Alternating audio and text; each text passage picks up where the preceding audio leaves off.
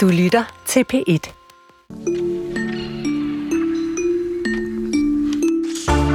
Der var gadehandlere, tuk-tuk-chauffører, kongelige og Maharajaen selv, så alle sejl var sat til en helt særlig koncert for et par dage siden på det 900 år gamle gyldne fort i Indien. Kunstnerne, de kom for at opleve, det var den danske samplerduo Den Sorte Skole, og det var en helt fantastisk oplevelse, forlyder det fra en dansk deltager. Vi taler med en sort skole om optræde for et indisk publikum, og være med til at markere 400-året for den dansk-indiske forbindelse. Videnskabsjournalisten, forfatter, Ph.D. i neurobiologi, Lone Frank, ville gerne være den amerikanske multikunstner Laurie Anderson. Altså, hun ville gerne være hende. Det kan jeg godt forstå. Blandt andet, fordi Anderson altid leder efter noget nyt. Hun er evigt nysgerrig, øh, og så forbeholder hun sig retten til øh, at være i en hver tænkelig kunstart. Ikke nogen øh, snævre båse her. Hør Lone Frank fortælle om, hvordan kunst og videnskab er to sider af samme mønt. Det er om godt 20 minutter. Anden time af Kulturen er i gang, og her er det stadigvæk øh, Chris Petersen og Karen Sikker. Først skrev 45 danske forfattere et fem avissider langt protestdigt for et citat frit Palæstina i information. Ugen efter der skrev Weekendavisens redaktør for bøger et modsvar, og det begynder sådan her. Jeg græmmes over, at 45 danske forfattere i fredagen til information havde skrevet et fem avissider langt protestdigt for et frit Palæstina, der var både litterært uduligt og politisk uimponerende. Sådan. Ja. Velkommen, David Jacobsen Tørner. Tak. Det var dig, der skrev de her hårde ord. Det var min lyriske debut. ja, ja, fordi så skrev du nemlig et, øh, et modsvar som en slags moddigt. Mm-hmm. Hvorfor følte du dig kaldet til det? Nogen skulle gøre det. Ja. Øhm, altså det er jo, man kan sige, det er jo markant, at øh, informations virkelig dejlige bogtillæg bruger, hvor meget var det? Fire, fem, fem, fem af deres øh, sparsomme sider på det her digt. Så det synes jeg, jeg måtte læse og forholde mig til. Der var ikke rigtig andre, der tog til, øh, til genmæle, så, så måtte jeg jo gøre det i, øh, i lyrisk form. Ja, og hvis folk ikke lige har set det der langdigt i information, så lad os lige give lidt eksempel på, hvordan, hvordan det sådan lyder i gang, for det har sådan en helt bestemt form, i hvert fald noget af tiden. Ja. Jeg er vred og fuld af sorg og frustration, når jeg gang på gang må forstå, at en række af den vestlige verdens politikere med magt, som Mette Frederiksen for eksempel, ikke taler for de helt basale menneskerettigheder, men tværtimod agerer mod dem med støtte til Israel, der udøver, hvad der nærmer sig folkedrab på den palæstinensiske befolkning. Jeg er vred og grebet af redsel, når jeg ser, at Israel ikke møder massiv fordømmelse fra den danske regering for sine militære overgreb på den palæstinensiske befolkning. Og sådan er ligesom gangen i det. Det er hele tiden sådan nyt afsnit, jeg er vred. Og det med bidrager alle de her, man kan ikke se, hvem der har skrevet hvad.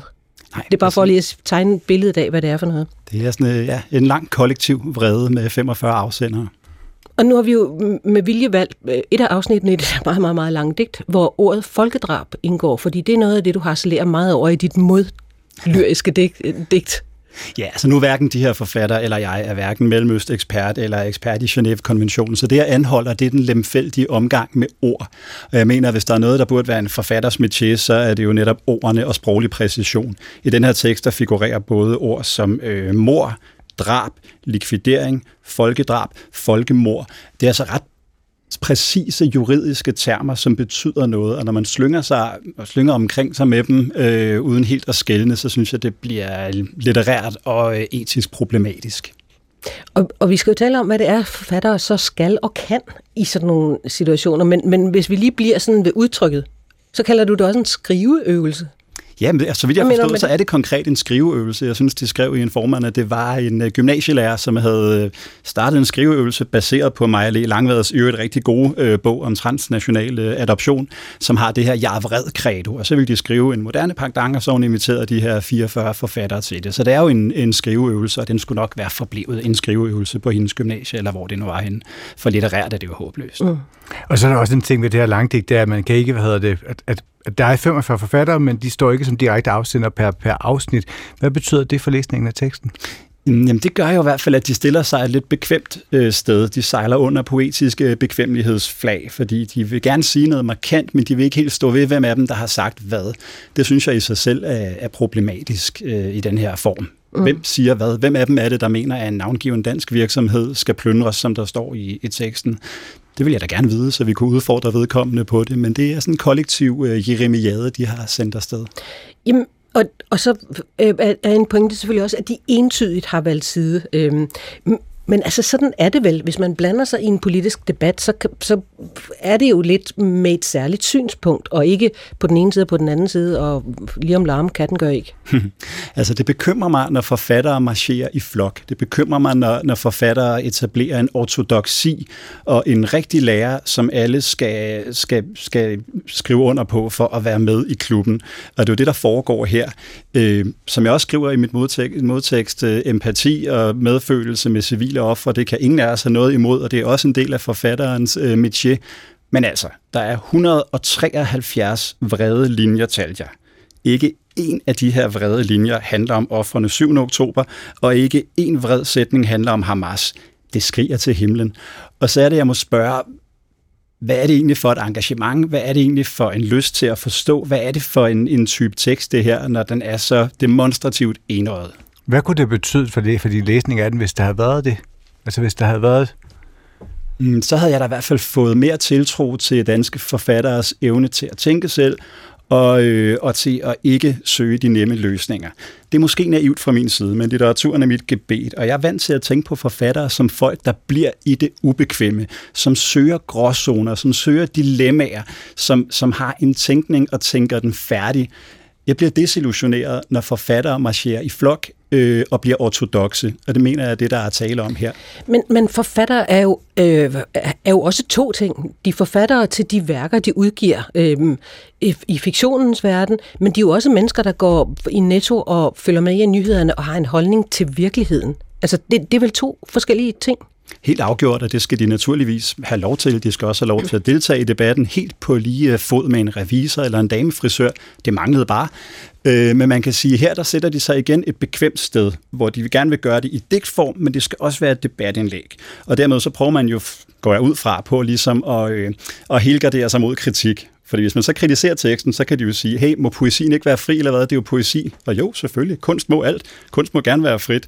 Øh, hvis det er et debatindlæg, så går vi til det som et debatindlæg, og derfor er jeg jo også øh, præcis i mit modsvar, når jeg sørger for virkelig altså ordentligt at sige, at det, er, det er både et dårligt digt og et dårligt debatindlæg. Det manglede bare. Men kan et debatindlæg ikke have et kunstnerisk udtryk? Hmm, det kan det vel godt, øh, men man kan sige, når der er 45 afsendere, når det er demonstrativt, enøjet og litterært ubehjælpeligt, så synes jeg, det fejler på begge de punkter, øh, både litterært og øh, øh, politisk, kan man sige. De er velkommen til at skrive det, og jeg har lov til at svare på det. Det er sådan, spillereglerne er. Men, men man kunne godt tænke, at så, så skal forfatter, 45 forfatter i flok i hvert fald, ikke øh, har, vil have svært ved at forholde sig til den her konflikt, fordi den er så kompliceret. Mm. Men det synes jeg jo netop er et godt argument for, at de måske hver især burde øh, Øh, tænke nærmere over, hvad deres engagement i den her øh, konflikt beror på. Øh, måske endda sætte sig lidt grundigere ind i den, eller vide noget om den. Som det er nu, så virker det som sådan en, øh, her er vores klub, vi er vrede, vi er imod, du vil gerne være med i klubben, ikke? Og Karin, jeg siger dig, du skulle vide, hvor mange forfattere, jeg har hørt fra, efter den her tekst blev publiceret, som ikke har lyst til at stille sig frem i det her miljø, men som siger, ja, jeg er 100% enig, men jeg skal ikke have noget klinket med mit miljø. Der er en hysterisk opkørt stemning nu, hvor man enten er med os eller mod os. Og det synes jeg ikke er åndselitens rolle. Jeg synes virkelig, det er sørgeligt, når åndseliten øh, handler øh, ortodokst øh, og, øh, og altså, hvad skal vi kalde det, militant nærmest i deres øh, ja. med os eller mod os. Altså jeg vil lige sige, at vi har øh, spurgt en af initiativtagerne til det her langdigt, øh, forfatteren øh, Lone Aboras, øh, men hun vil ikke deltage, fordi hun synes, at teksten øh, taler, til sig, øh, taler for sig selv og i sig selv. Ja. Kan det ikke være en pointe? Det er da ærgerligt. Jeg havde hjertens gerne talt med, med Lone her, men det er desværre ikke overraskende for mig, at man ikke stiller op fra, øh, fra de her kunstneriske miljøer til en, en ærlig, øh, åben debat om, øh, om ens synspunkter. Hvorfor tror du, det er så svært? Øh, hvad er svært? Undskyld? At få dem til at stille op? Mm, det, det, det er et virkelig godt spørgsmål. Øhm, mm, det er fordi, jeg tror, at den ene grund er, at øh, der er en med os eller mod os øh, tankegang i mange af de kunstneriske miljøer her, hvor man entydigt vælger side i en kompliceret og meget modbydelig konflikt meget langt væk, og hvor man samtidig ikke rigtig tør stille op øh, med de spilleregler, der nu er i den offentlige debat, men man stiller op og åbent tager diskussionen. Man vil hellere gemme sig bag sin tekst og bag sin kollektive afsendelsesform. Det synes jeg er problematisk. Mm. Øh, hende, øh, øh, du nævnte før, øh, gymnasielærer øh, Ditte Brun Bak, som også har, eller måske især har været initiativtager til det. Øh, hun vil heller ikke medvirke. Hun har skrevet i en sms til os. Jeg er glad for, at digtet har fået sit eget liv, er blevet trygt og nu solgt, så overskud går til det danske hus i Ramallah. Har ikke behov for at debattere med en, der har en anden holdning til det folkedrab, som foregår lige nu, har hun altså skrevet til os. Jeg ved. Hvad er din kommentar til det? jeg synes, det er uimponerende. At det er da glimrende, hvis man kan, kan, kan man sige, samle penge ind til godgørende formål med sin kunst. Det kan ingen af os nogensinde øh, have noget imod. Men læg mærke til tonen i det. En, der står på den anden side af det folkedrab.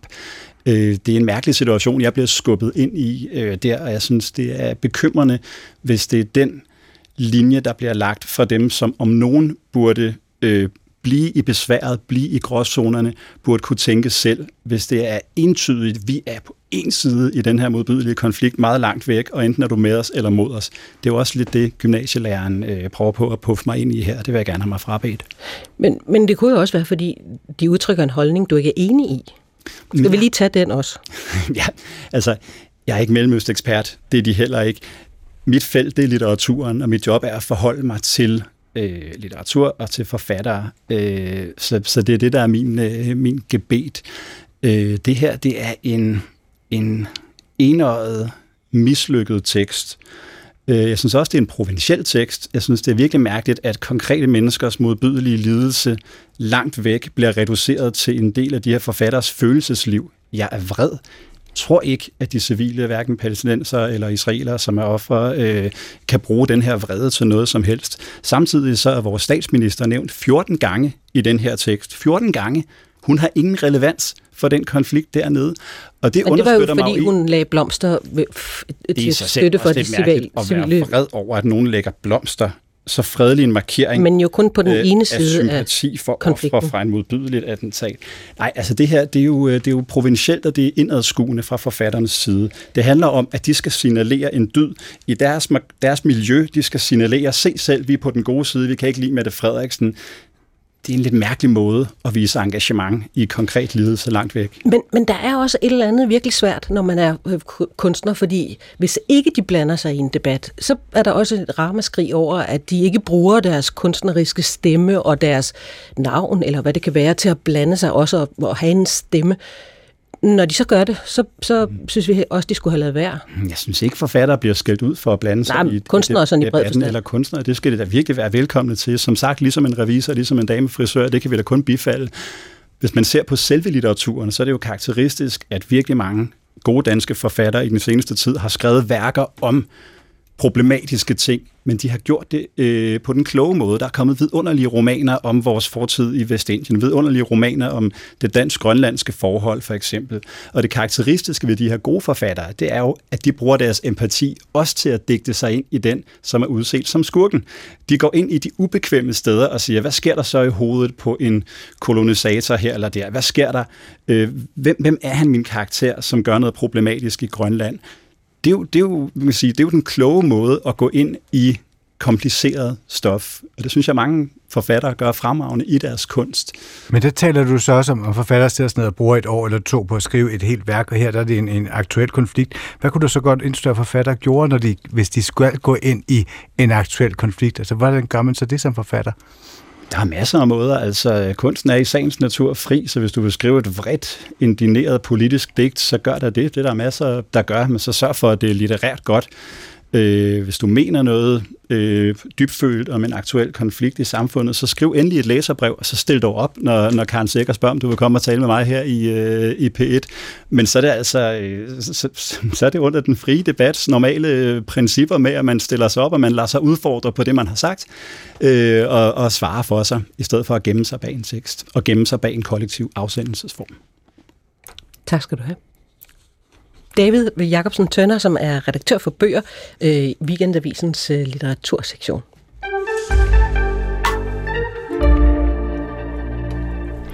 Den danske duo, Den Sorte Skole, de har lige spillet en meget særlig koncert. I weekend der fremførte duen bestående af Martin Højland og Simon Dokkedal værket Ghosts and Robots. Et eksperimentelt kunstværk, der kombinerer musik, lysinstallation, videoprojektion og laser. Og lyset det er skabt af det danske kunstnerkollektiv Vertigo. Men det spektakulære, det er koncertens lokation. Koncerten den foregik nemlig i Indien i et knap 1000 år gammelt fort, der i øvrigt er på UNESCO's øh, verdensarvsliste. Og sammen med den ene halvdel af den sorte skole, Martin Højland, vil øh, vores kollega Nana van Tornburg nu øh, forsøge at give dig en fornemmelse af, hvordan sådan en øh, koncertoplevelse føles.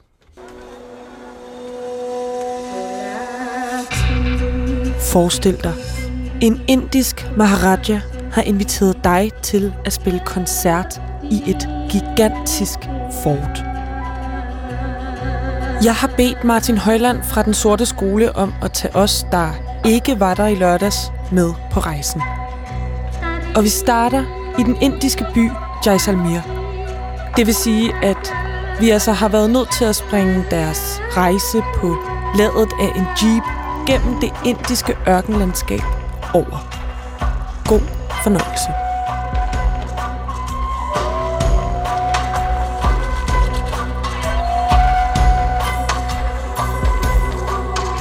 Jaisalmer ligger ude ved, øh, tæt på Pakistans grænse ude i den vestlige del af, af Indien, og er egentlig en ret lille by med kun 70-80.000 mennesker, hvilket jo er lille i en indisk kontekst. Men man kører ligesom gennem ørkenen i timevis, og så kommer man til den her by, og så på toppen af byen ligger der et kæmpe stort fort, som er næsten 1000 år gammelt, og er det eneste fort i verden, hvor der faktisk bor tusindvis af mennesker inde i fortet stadig. Og det her 900 år gamle fort udgjorde kulissen til lørdagens koncert. Koncerten udspiller sig jo ligesom i en fuldstændig ekstraordinær setting. Man er lige kommet ind af den forreste port i fortet, og så er der ligesom sådan en, en vej, der skruner op til den næste port. Og så er der et torv, hvor der kan være nogle tusind mennesker. Og der tårner murene til fortet, så så, jeg vil tro, næsten 70 meter op. Altså det er et kæmpe fort. Normalt, når der bliver afholdt den her slags begivenheder, så er det kun de kongelige, der er inviteret. Det var en blanding af royal familie, men så var det også rickshaw-chauffører øh, og gadehandlere og taxachauffører og børn og familier, der var kommet for at få den her oplevelse. For os er det jo magisk, når, når det er de lokale i byen, der kommer og er kommet med deres familier og sætter sig til rette, og så oplever noget, de aldrig har set før. Og faktisk kan relatere til det. Danish artist, then sorte, scroll and vertigo. जोरदार तालियों के साथ स्वागत अभिनंदन Det første folk ser, det er jo ligesom ørkenhimlen og så fortets nærmest intimiderende væg der foran dem. Og så, så starter det jo sådan vanlig den sorte skolestil med en eller anden indledning, der transporterer en et helt andet sted hen, end man troede, man skulle være.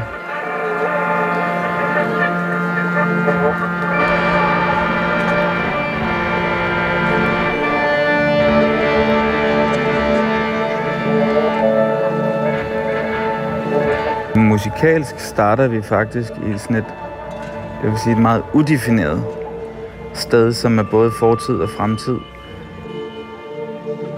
Der er noget sådan elektronisk ambient lyd, men også øh, real lyd samlet fra forskellige steder. Og så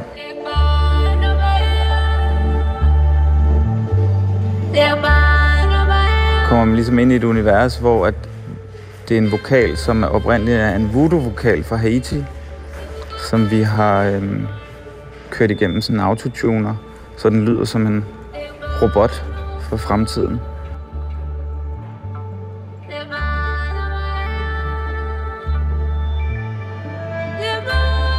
Enten står du op. Det kan også være, at du ligger ned. Og mens du lytter til lyden af voodoo fra Haiti, så er du badet i det røde lys fra Vertigos lysinstallation.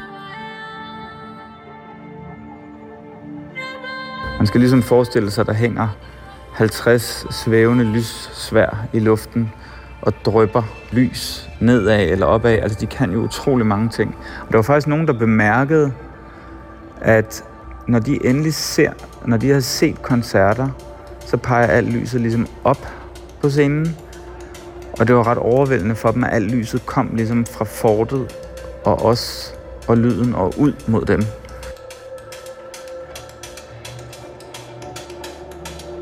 Altså, vi står jo midt i lyset, kan man sige, men, men vi er jo, der er jo ikke noget lys, der peger mod os.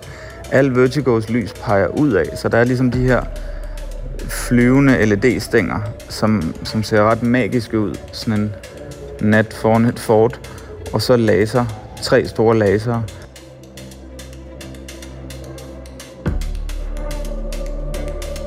Det smukke er, at folk hører mange forskellige ting i, i vores musik. Og så var det ligesom en, en koncert, som havde fire satser. Så den bølger, som øh, gik fra sådan med meget dynamik fra at være meget stille og rolig og til at blive meget intense og falde ned igen.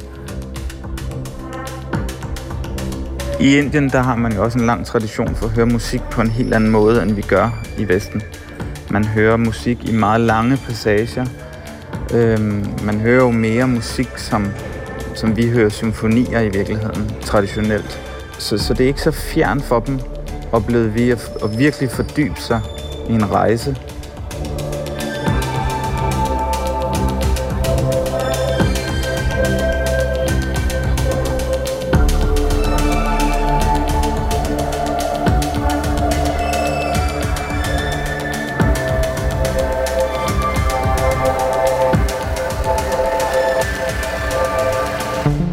Det, at vi blander musik fra mange spirituelle kulturer og religiøse oprindelsespunkter, det i sig selv har jo en ambition om at både hylde forskellighederne imellem de kulturer, men også hylde den enighed, der, der kan opstå, når tingene mødes.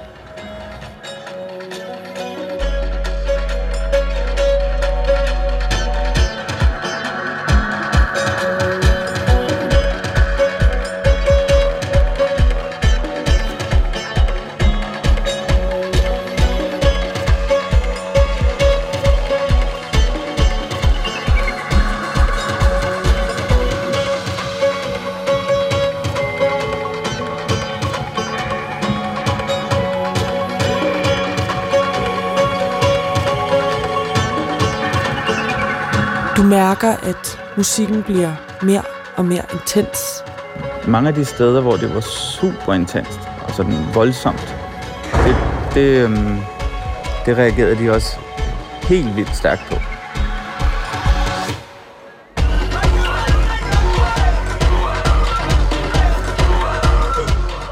De skulle lige finde ud af, hvad det var, og så tog de ligesom med på den rejse, og så endte det faktisk med, at de blandede sig Øh, mange af de royale kom ned fra den der terrasse og endte med at danse ned foran sammen med nogle af de andre fra byen. Det, det, det sagde de ligesom, det, det havde de aldrig ligesom prøvet før.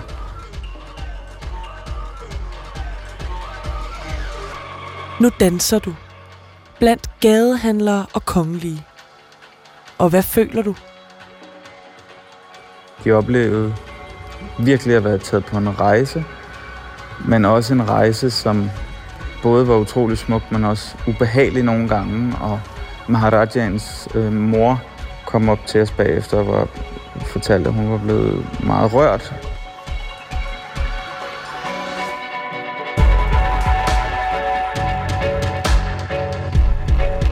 Det er et fort og et, et område, hvor der har været flere store udrensninger og utrolig mange krige og besættelser, og det havde ligesom udspillede sig for hende i løbet af den der time.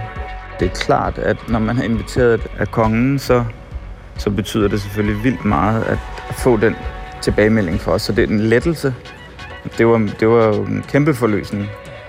Det er rigtig vigtigt for os at komme ud øhm, og så møde Maharajans mor, som fortæller, at hun blev taget på en rejse igennem sin families historie og fortets øhm, store udfordringer og smerten i de udrensninger, der har været, så er det klart, så løfter det sig. Så giver det mening, at, at vi står herude og gør det her. Jeg spørger Martin, hvad han håber, koncerten sætter gang i hos publikum. At det har transporteret dem ind i nogle afkroge af deres liv eller deres tanker. Øh, måske har det været ubehageligt, måske har det været kedeligt, måske har det været vildt smukt. Det har været alt muligt, ligesom livet er. Det handler ikke om os. Det handler jo om, at vi, vi er blevet inviteret herud for at give nogle, nogle mennesker, som lever et helt andet liv. Altså et af de mest golde steder i, i verden. Ambitionen var, og det som der er rigtig mange mennesker, der har arbejdet sammen for at få til at ske, var, at der var rigtig mange mennesker, der skulle have en oplevelse. Det giver sig selv, at det er spændende for Vertigo og for Simon og jeg i den sorte skole, og Simon og James og dem, vi har med, at det, det er fantastisk at komme til Indien og få den her oplevelse og komme til privatfest hos kongen og, og dit og dat. Men hvis vi ikke havde leveret en oplevelse, som ligesom opfyldte den drøm og ambition, de havde med at invitere os ud, så havde det været en total, så havde det været en meget mærkelig følelse at rejse hjem med. Koncerten fik heldigvis sat gang i en masse følelser. I hvert fald for Maharajaens mor. Og mor ved, trods alt, bedst.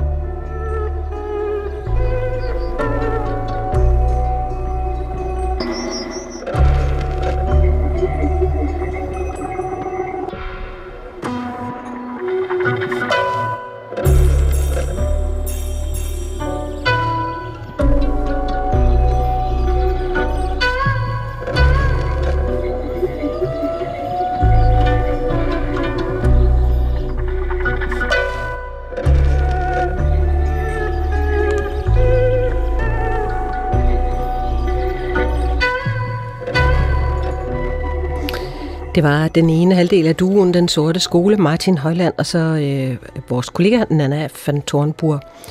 Og duens andet medlem, det er Simon Dokkedal, og koncerten foregik i samarbejde med øh, kunstnerkollektivet Vertigo med hjælp fra Dansk Kulturinstitut i Indien.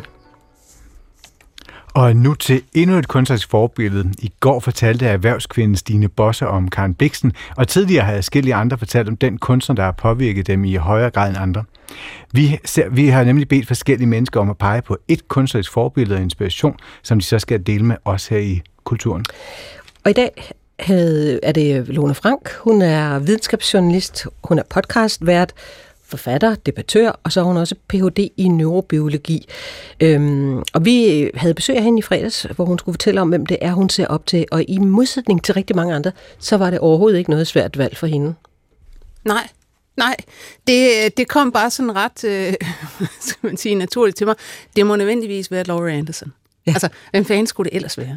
Ja, det kunne det. Altså, der, man kunne da nok, nok nævne 100 ja, andre. Men... Nej, men, men jeg synes virkelig, altså, øh, jeg føler mig nærmest sådan i, i slægt med hende på en eller anden måde. Altså, øh, jeg vil sige, jeg kunne godt tænke mig at være hende, men når jeg nu ikke kan være det, så kan jeg i hvert fald, du ved, følge med i, hvad hun laver. Åh, oh, det glæder vi os til at høre meget mere om. Mm. Rigtig meget. Og for dem derude, der tænker om Laurie Anderson, hvem er det nu lige? Så synes jeg lige, vi skal hurtigt sætte et par ord på. Og også spille et nummer, som jeg faktisk vil garantere vil sige, det kender du derude. Helt sikkert. Amerikansk Laurie Anderson, i dag 76 år, still going særdeles strong, oprindeligt uddannet billedhugger, kendt som pioner inden for elektronisk musik og performancekunst.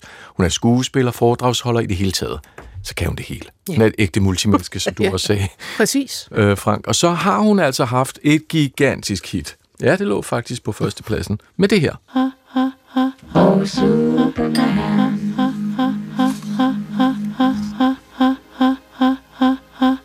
Oh, John.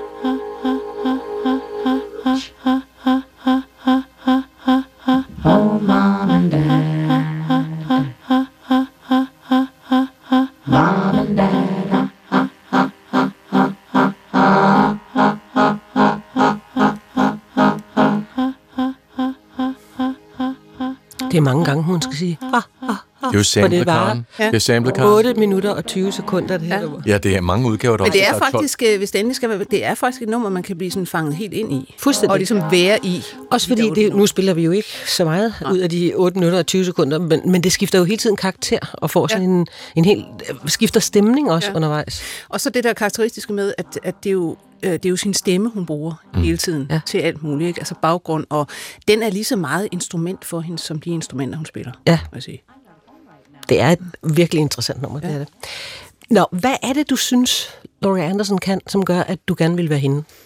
Hmm. Jamen det er faktisk det der, som vi startede med, at hun altså, kan alt, og hun kan øh, hvad skal man sige, flyde hen over grænser, og som noget, det virker som om, at hun som noget fuldstændig naturligt netop breder sig fra, jamen godt nok startede hun som kunststuderende, så finder hun ud af, når jamen, hvad med performance, og hvad med performance på en helt ny måde, hvad med nogle mærkelige instru- øh, musikinstrumenter, hun konstruerer nogle underlige violiner og alle mulige ting, ikke? Og, og sådan, øh, og stadigvæk, øh, så altså hun, hun har jo sin oprindelse i den der avantgarde i 70'erne. Ikke?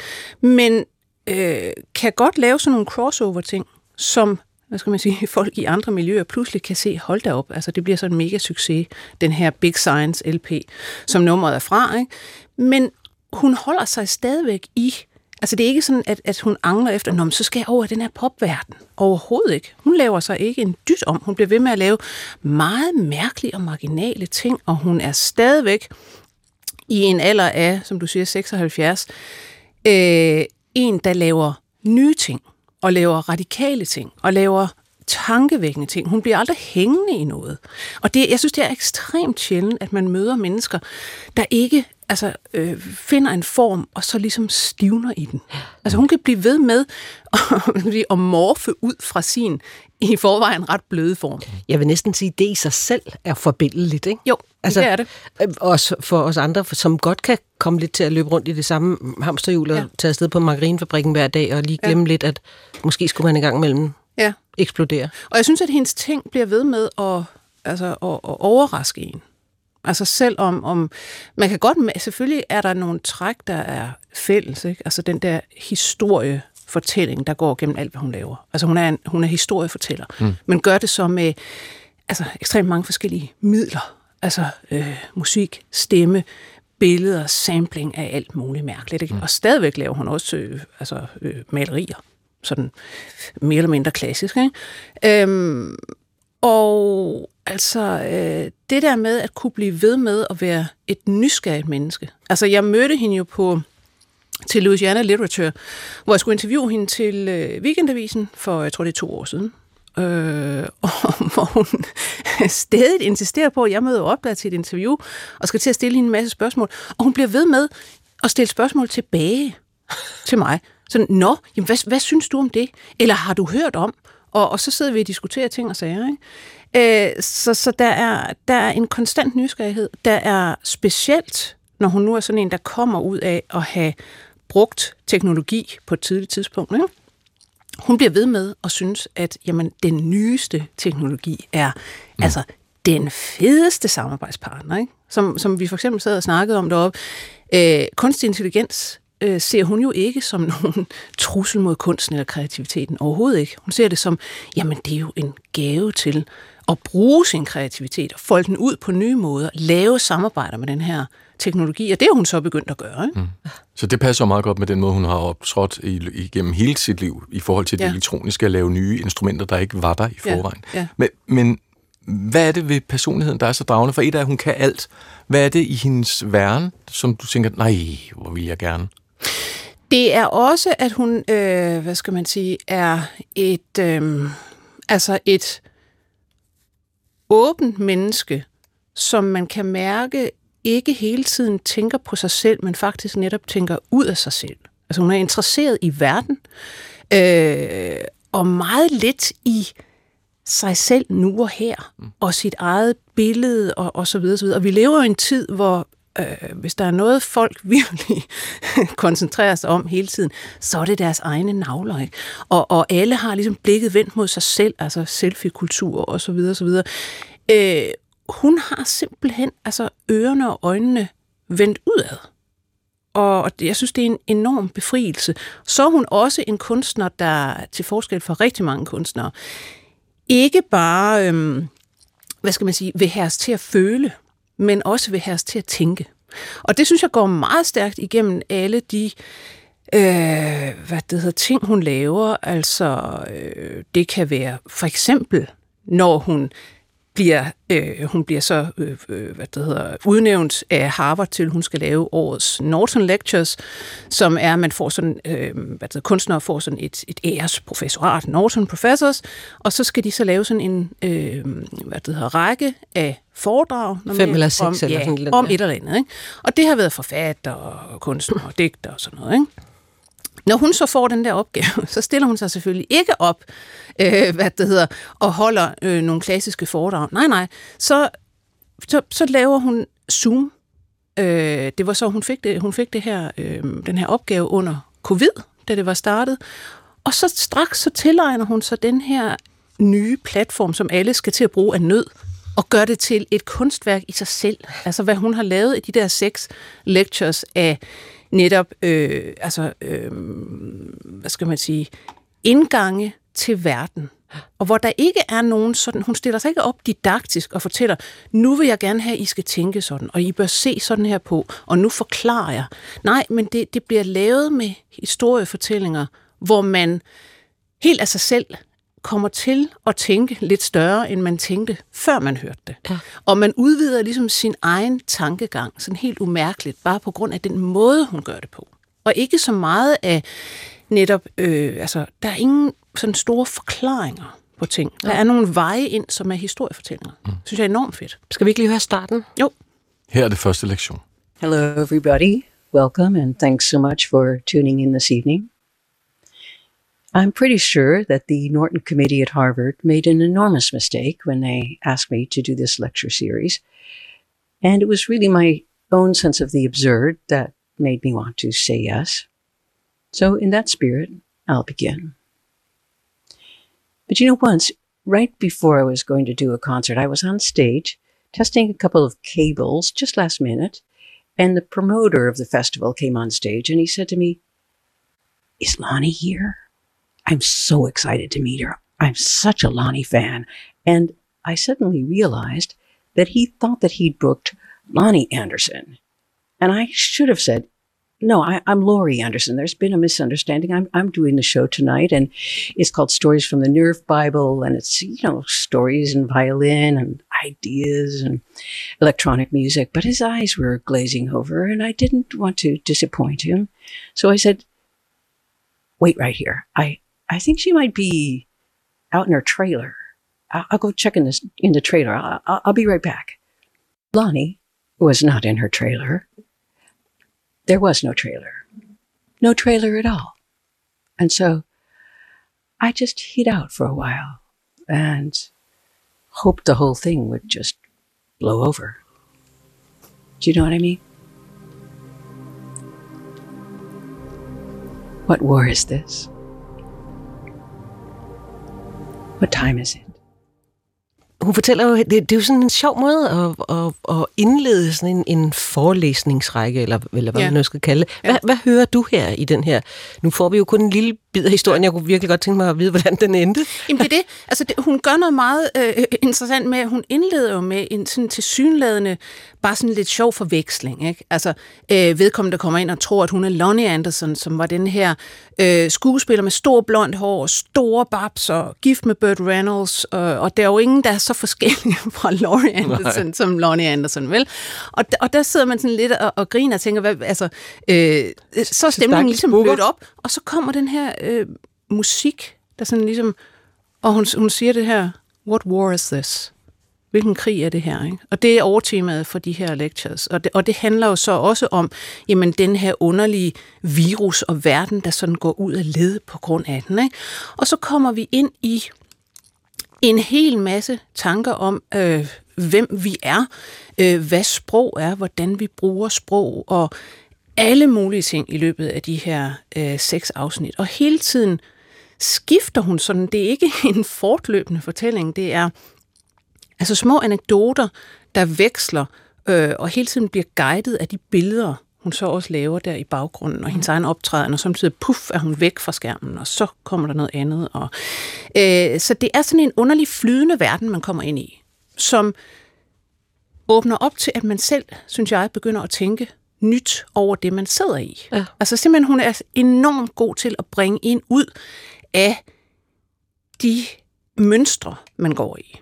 Hun er simpelthen, jeg synes, hun er bevidsthedsudvidende. Ja. Det er det, hun er. Wow. Hvornår stod du på hende første gang? Kan du huske det? Jamen altså... altså, jeg mener ikke jo, fysisk, men... Nej, men, men jeg, jeg hørte jo, som så mange andre, øh, det der Big Science album, det der kom frem, og var ikke sådan, altså, du ved, helt solgt til det.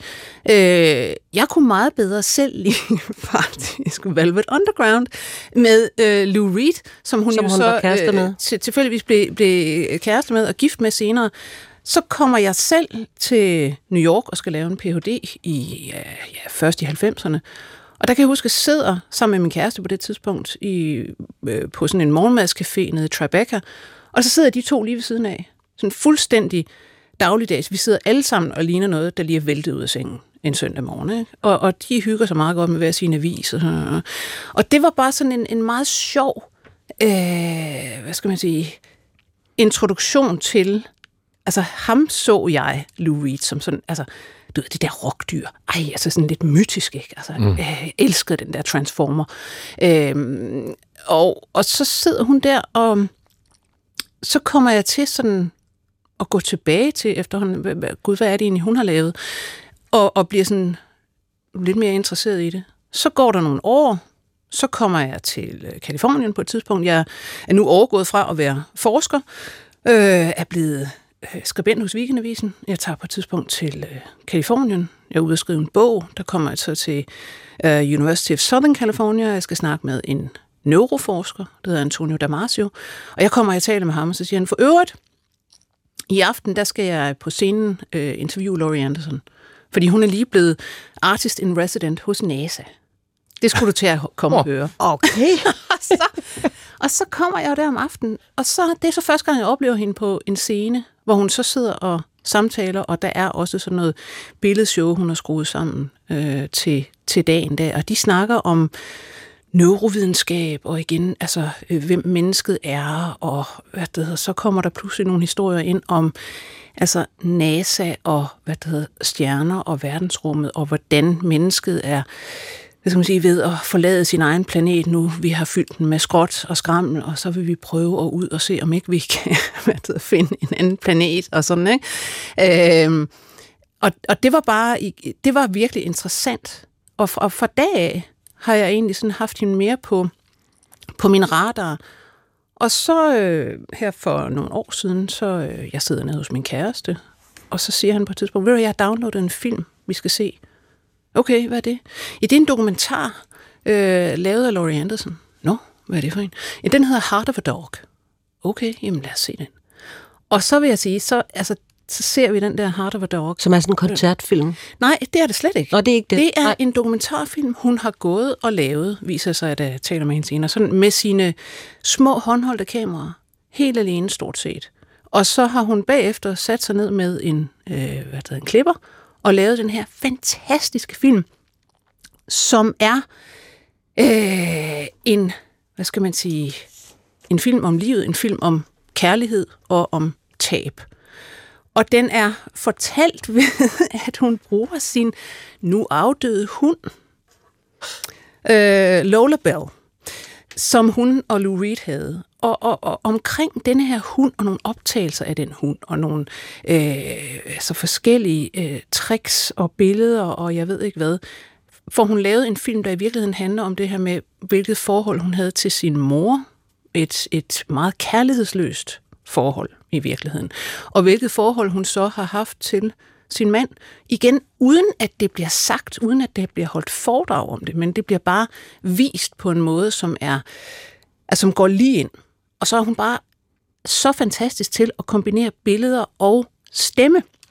Fordi hun kan gøre det, som stort set ingen andre kan. Altså nu har jeg jo været med til at lave dokumentarfilm et par gange, og jeg har hver gang hørt fra dokumentarfilminstruktører og eksperter osv., voiceover, altså det her, hvor man taler ind over billedsproget, det er bare så forbudt. Altså, det skal vi minimere. Det, det kan man bare ikke. Det er gammeldags. Laurie Anderson, hun kan lave den bedste dokumentarfilm, jeg nogensinde har set, hvor der ikke er andet end voiceover. Der er ingen reel lyd. Det hele er hendes voiceover til de her vidunderlige billeder. Og jeg vil bare sige, se den film. Ja. Den er helt, altså... Ja, det kan fantastisk. jeg da ikke vente på. Når du talt så varmt, Lone, om mm. Heart of a Dog, så lad os lige ja. høre Lad os lige høre stemmen. This is my dream body, the one I used to walk around in my dreams. In this dream, I'm in a hospital bed. And it's like a scene from a movie you've seen a million times. The doctor is holding a small pink bundle. And he leans over the bed and he hands me the bundle. It's a girl, he says. Isn't she beautiful? Look. And wrapped in the bundle, I see the little face of my dog, a small rat terrier named Lolabelle. Det der med, at hun aldrig holder foredrag, hun forklarer ikke ting. Nej. Der er kæmpe store øh, mellemrum i ja. hendes kunst, og det hun giver øh, til den, der ser eller lytter, eller hvad det nu er. Det var jo også en kæmpe tillidserklæring til, at hendes publikum kan tænke selv. Ja, og det er, der, det er jo selvfølgelig også derfor, hun ikke har et kolossalt publikum. Fordi der er altså folk derude, der ikke vil tænke selv. Okay. Jeg tror ikke, det er, fordi de ikke kan. Men der er selvfølgelig mennesker, der ikke vil tænke selv, og ikke ønsker det. Men, men for det tænkende menneske, som godt kunne, altså som har lyst til netop at blive pirket lidt til, og, Og sat det, på arbejde. Ja, eller det er, ikke, det er netop ikke arbejde. Det føles Ej, men- men... simpelthen som en, en fornøjelse. Wow, sådan kunne man også se. Jamen, arbejde kan da også Det være er- fornøjelse. Ja, det kan det måske godt. Det er, til en, det er et emne til en anden udsendelse. Det- til en anden Men det gang. kan det da. men, men nej, jeg vil sige præcis det der med, at hun selv er et meget tænksomt menneske. Og som jeg også sagde det der med, at hun er interessant som kunstner, fordi det handler ikke bare om at føle, men om at tænke over verden, og så formulere sig interessant og skævt om den. Fordi det er dermed, du faktisk ofte rammer bedre. Det her med at være sådan meget, du ved, nu skal jeg forklare jer, hvordan det er. Altså, det kan jo godt føles nogle gange lidt som sådan et, altså et overfald. Ikke? Ja. Altså, det, det er uinteressant ja. på en eller anden måde. Altså, man, man hører faktisk ikke nødvendigvis særlig godt efter. Men hvis nogen kan fortælle en historie, hvor man så selv får oplevelsen af, ah, jeg forstår, hvad hun vil sige med det her, og det er jo i virkeligheden noget lidt andet, end historien egentlig var, så får du faktisk den der aha-oplevelse, som jo er noget, vi elsker. Mm. Altså, og hvor, hvis vi skal være, altså tale om, om hjerner, som hjernen elsker, fordi der kommer den lige nogle små sprøjt dopamin ud der. Det vil vi have igen. Altså. I dit eget liv, travle, travle liv, på weekendavis med podcast, 24 spørgsmål til professoren osv. Mm. Du drøner afsted. Ja. Hvad bruger du hende til i hverdagen? I dit eget liv, hvor hiver du hende frem og siger, jeg kan bruge det her til noget? Jamen, jeg har brugt, jeg har faktisk brugt hende meget til at udvide mit eget, vil jeg sige, professionelle repertoire. Altså, fordi hun har sådan set vist mig det her med, at jamen, man kan sgu godt bruge indsigter i videnskab til noget andet, end bare at lave forklaringer på, hvordan mennesket hænger sammen, osv. osv. Man kan bevæge sig ind i områder, man måske ikke lige troede, man kunne. Så jeg er jo, altså, jeg vil sige, det er meget inspireret af hende, at jeg i virkeligheden er begyndt også at skrive for vores bogsektion, vores kultursektion, øh, og har holdt øh, hvad det hedder, samtaler med øh, kunstnere ude på øh, museer og, og ting og sager. Det er simpelthen en, hun har udvidet min verden og fået mig til at kaste mig ud i ting, som jeg umiddelbart måske ville have sagt med den kassetænkning, mange af os har. Nej, men jeg befinder mig jo fint nok inden for den her videnskabskasse. Ikke? Det er en kasse, som rigtig mange også putter mig i. Altså, det, det, det er en, en overraskelse for mange, selv nogle gange mine kolleger, at, at øh, jeg læser skønlitteratur. For eksempel. Ikke? Jamen, Ja. øh, jamen, du er jo du er sådan videnskabs. Øh, ja, men altså, jeg kan også godt læse. Og, Men- men- og sådan, ikke? Og det var nemlig faktisk også det, jeg tænkte, mm. da, da du fortalte, at du, ja. Du havde valgt Laurie Anderson. Der tænkte jeg nemlig på, at der må ligge noget i det der med, at skillekasserne, hun har også selv på et tidspunkt sagt det der med, at hun, hvis hun skulle give et råd til unge kunstnere, så skulle det være, at de skulle kalde sig multikunstnere, så de undgik Ja, at komme i kasse. sådan en skulpturkasse, ja. eller en malerikasse, eller en ja. Billedkasse, eller hvad det nu kan være. Ja. Øh, for, for hun gør jo lige præcis det der. Nu nævnte du også det der med NASA, at, som ja. Havde inviteret hende. Sådan, noget. Ja. Og sige, det er to... Det, vi taler ikke om videnskabens verden, eller Nej. kunstens verden. Tal om verden. Vi taler om verden. Ja. Og vi kan gøre det på forskellige måder, ikke? Og, og man kan have øh, altså erfaringer og viden og indsigter fra det, man vil kalde en del af verden med ind i en anden del. Og det, det gør altså ofte, at begge bliver mere interessante. Simpelthen. Altså, og det, vi lever jo i lidt i en tidsalder, hvor altså man kan sige, specialisering har en meget stor plads. Altså man skal helst være specialiseret inden for noget. Og så er man også meget let at komme i en kasse, og så ved man nøjagtigt, så er det hvis man siger, det her job, du kan få, og det, det her, du skal beskæftige dig med, og sådan noget. Men, men i virkeligheden er det jo ofte, det kan blive lidt sterilt. Altså, øh, og det kan blive meget begrænsende for en som, som menneske. Mm. Så jeg, jeg vil sige, jeg bruger hende simpelthen øh, så meget, hver gang jeg siger til mig selv, at det her kan du nok ikke. Så tænker jeg, jo, det kan jeg sgu godt. Hvorfor ikke? Det lyder meget pippi-agtigt. det var Pippi. Teknopip. Om hun er sådan en ja. moderne udgave af den gammeldags polyhister-tradition øh, på en måde, kan man ja, godt sige. præcis. Nå, øh, øh, Lone Frank, vi, vi beder jo altid folk, der kommer ind og fortæller om et kunstnerisk forbillede, om at lege den lille leg, som faktisk ikke er nogen leg for dig, fordi du har mødt hende, du har mm. interviewet hende, fordi vi plejer altid at spørge, hvis nogen kommer ind ad døren, hvad ja. vil du så virkelig gerne spørge hende om? Ja. Det har du måske allerede gjort. jeg tror egentlig gerne, altså, jeg, jeg tror, jeg vil spørge hende om sådan, altså, virkelig heart to heart, øh, hvordan i alverden, at det lader sig gøre for hende at være så, altså hun er et meget roligt, venligt, imødekommende menneske, selvom alle mulige jo hiver i hende fra alle mulige steder, og hun farer rundt i verden, og, og så videre, og så videre. Øhm, og hvor jeg selv altså hele tiden bliver ufattelig frustreret over den måde, verden er, den måde andre mennesker er. Øh, du ved, politik, øh, hvordan folk tænker og ikke tænker osv. Og, så videre, og så, så jeg lever meget på sådan en eksplosiv vrede en gang imellem. Ikke? Og, og jeg kunne godt tænke mig at spørge hende, hvordan fanden kan man øh, være så ligevægtig som hende, og, og undgå eventuelt at blive dødhammerne frustreret over, hvordan verden og menneskene er? Godt spørgsmål. Ja, meget. Det var videnskabsjournalist, podcastvært, forfatter og Ph.D. i neurobiologi, Lone Frank, der fortalte om Laurie Anderson. Ja, og så er det tid til at krydse fingrene, håbe og ikke mindst gøre konfettikanonerne klar til affyring. For hele tre danske film, de er nomineret til Europas svar på Oscar-uddelingen, nemlig European Film Awards, der finder sted i Berlin den 9. december. Lea Globs allerede topanmeldte og prisen, prisvindende kunstnerportræt Apollonia, Apollonia, den er nomineret i kategorien bedste europæiske dokumentar. Og lige den film, Apollonia, Apollonia har siden øh, den havde verdenspremiere på den internationale dokumentarfilmfestival, hvor den i øvrigt, en passant, vandt hovedprisen, været centrum for meget stor international opmærksomhed. Og det er jo skildringen af et øh, boheme-miljø, øh, og med det parisiske kunstakademi som bagtæppe, der følger filmen en ung kunstner, Apollonia Sokols, øh, personlige kunstneriske udvikling over en periode på 13 år, fra den altså, allertidligste pleje af et ung talent, indtil hun tager springet øh, ud i den kommercielle kunstverden. Og der hører meget fin musik til, komponeret af Jonas Struk, så lad os da lige høre lidt af den.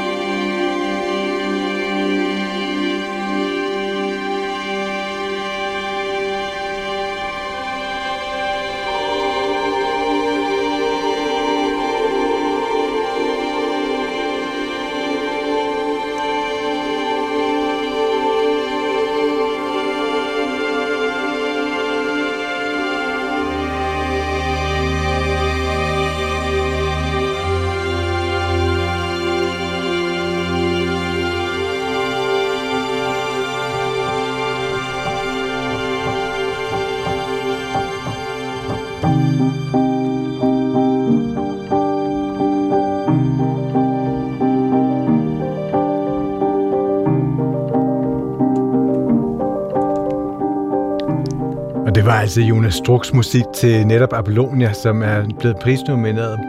Udover den film, der er Mads Mikkelsen nomineret som bedste europæiske skuespiller for sin rolle i Nikolaj Sels Oscar-indstillet Bastarden, og så er Malene Choice anmelderroste drama Stille Liv nomineret til debutantprisen European Discovery.